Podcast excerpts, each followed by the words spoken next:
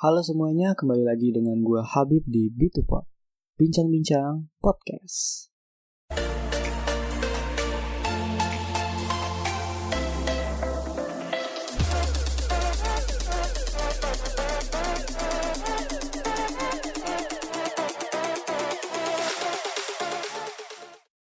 Sebelumnya gue berterima kasih nih sama kalian yang udah mampir di episode perkenalan gue di podcast sebelumnya. Di episode kali ini gue mau membahas tentang kesulitan memberi nama. Sebelum masuk ke topik pembahasan, gue mau cerita sedikit nih pada saat mau bikin podcast episode ini. Jadi itu keluarga gue disibukkan dengan menunggu kelahiran ponakan gue yang kedua. Yang bikin semua tuh ribet mengurus ini itu, mengurus perlengkapan yang dibutuhkan, dan lu tahu sendiri kan, keadaan lagi pandemi corona, semua kegiatan dibatasi dengan protokol-protokol kesehatan yang berlaku dan aturan yang harus dipatuhi. Contohnya, kayak nggak boleh ada kunjungan keluarga ke rumah sakit lah yang harus dibatasin, dan sebelum ditangani dokter pun harus dites COVID dulu. Alhamdulillahnya, abang gua dan kakak ipar gua dites, hasilnya negatif.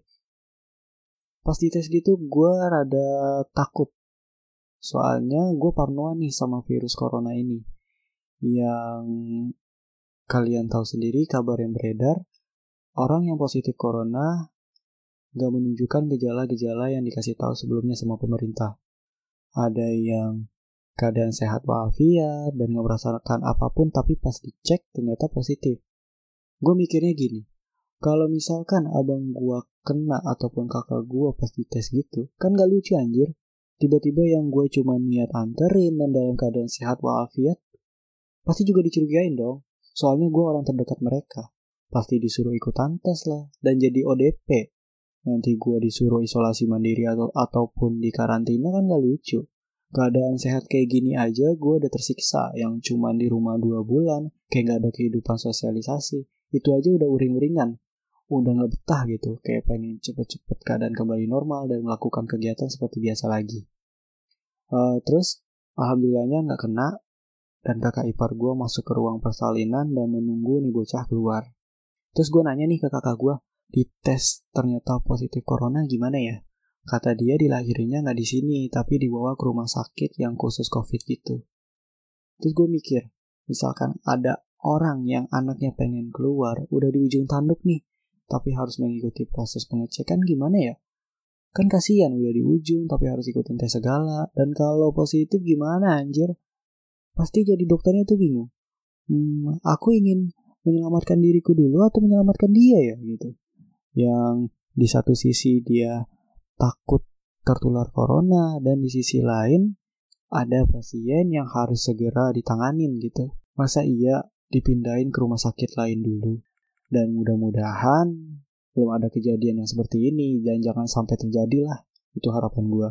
Setelah dua hari di rumah sakit, akhirnya nih bocah dipaksa keluar dengan cara dioperasi sesar. Dengan berat 4 kilo berjenis kelamin laki-laki.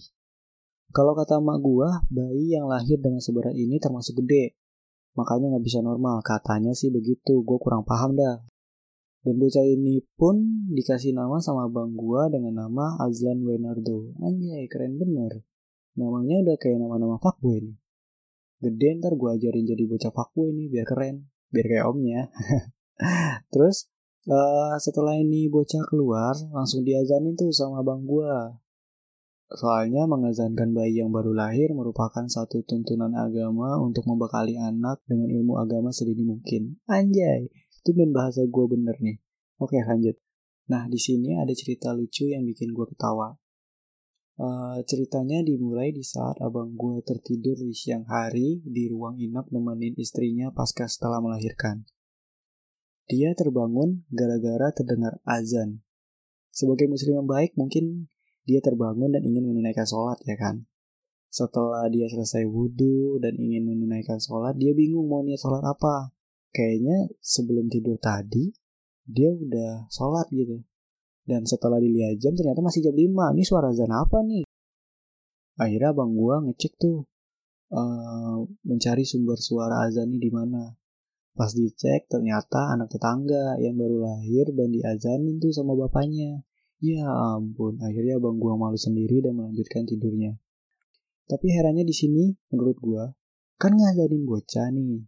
Kasihan dong anak anda yang baru lahir, yang baru menghirup udara bebas, mendengarkan suara yang gede kan dia kaget dong. Dan mungkin kurang baik juga untuk telinganya. Dan yang kedua, kasihan juga dong pak abang gua udah niat bangun mendengarkan suara azan. Aku pengen sholat, aku mendengarkan suara azan. Tapi ternyata suara azan yang dia dengar tuh bukan suara azan panggilan sholat dong, tapi suara azan untuk bocah yang baru lahir. Kan kasihan abang gua. Aduh, gua aja ngebayanginnya kocak apalagi di tempat kejadian ya.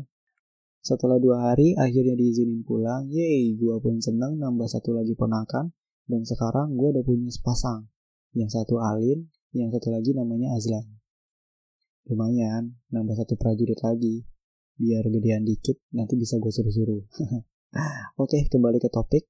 Alasan gue kenapa nama podcast gue itu B2Pod. Di sini gue ada sedikit kesulitan untuk memberi nama. Uh, eh, gue bingung nih nama apa yang tepat untuk podcast gue nantinya. Yang menunjukkan bahwa podcast gue nanti sesuai sama isi podcast gue. Gue nanya ke teman gue, dia juga bingung ngasih nama yang tepat terus gue mikir nih gue kasih aja nama podcast gue tuh sesuai nama gue kali ya kayak podcast Raditya Tika atau enggak podcast Deddy Kobuzer. Kayak simple dan udah cukup gitu. Terus gue mikir hmm, tapi ntar dulu deh. Nama gue kan nama-nama yang sedikit sensitif lah di kalangan bersorban di kalangan-kalangan sumbu-sumbu pendek. Kalau podcast gue nanti gue kasih nama Habib Muhammad Podcast atau Suara Habib Podcast. Namanya sih keren, bagus banget, tapi serem bener anjir. Kan jadinya kayak nama religi-religi gitu. Nanti kalau orang orang awam yang nggak tahu tentang gue dan taunya dari nama podcast gue, nanti dibilang podcast Timur Tengah lah, atau nggak dibilang podcast dakwah lah, atau nggak dibilang podcast Islami gitu. Padahal kan enggak. Kasihan dong kaum kaum minoritas kaum kaum non muslim gak bisa nikmatin dong isi podcast gue karena menilai dari nama podcast gue aja udah serem nih udah nama-nama islami. Pasti konten-kontennya konten-konten islami. Padahal mah enggak. Makanya itu nggak gue kasih nama podcast gue sesuai dengan nama gue akhirnya saking bingungnya gue sampai nge-search di Google dan mencari nama podcast yang tepat untuk podcast gue nantinya. Nama podcast yang unik nama podcast yang bagus banyak dah tuh gue cari di Google. Setelah nyari sekitar setengah jam, gue baru sadar, bodoh banget anjir. Otomatis nama podcast itu udah pernah dipakai sama orang. Masa iya nama podcast gue nanti sama dengan punya orang? Kan gue pengennya nama podcast gue ini belum pernah dipakai dan fresh untuk gue. Akhirnya nggak gue lanjutin tuh pencarian di Google. Dan gue diem, bengong sambil mikir, nggak mudah-mudah. Terus gue memutuskan untuk keluar. Mungkin dengan menghirup udara bebas, gue bisa mendapatkan ide kreatif. Soalnya, gara-gara keadaan PSBB gini, kerjaan gue cuman di rumah doang, makan, tidur di kamar terus, gak ada kehidupan. Otomatis otak gue udah terlalu lama istirahat dong, udah terlalu lama rebahan, gak bisa berpikir. Sekalinya disuruh berpikir gak bisa, cok. Kayak ngebeng, kayak gak mudeng gitu. Jadi, ah, pokoknya susah dah untuk, untuk pikir. Nah, setelah gue keluar jalan-jalan, ada ide yang terlintas gitu. Bincang-bincang podcast.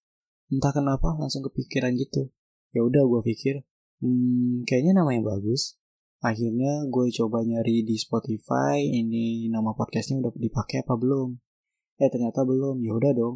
Menurut gue ini nama podcast yang cocok sama isi podcast gue nanti yang berisi membahas atau memperbincangkan berbagai hal yang menurut gue menarik. Tapi gue lihat-lihat panjang banget nih nama podcastnya. Terus gue singkat dong. Hmm, bincang-bincang. B2 podcast pod. B2 pod.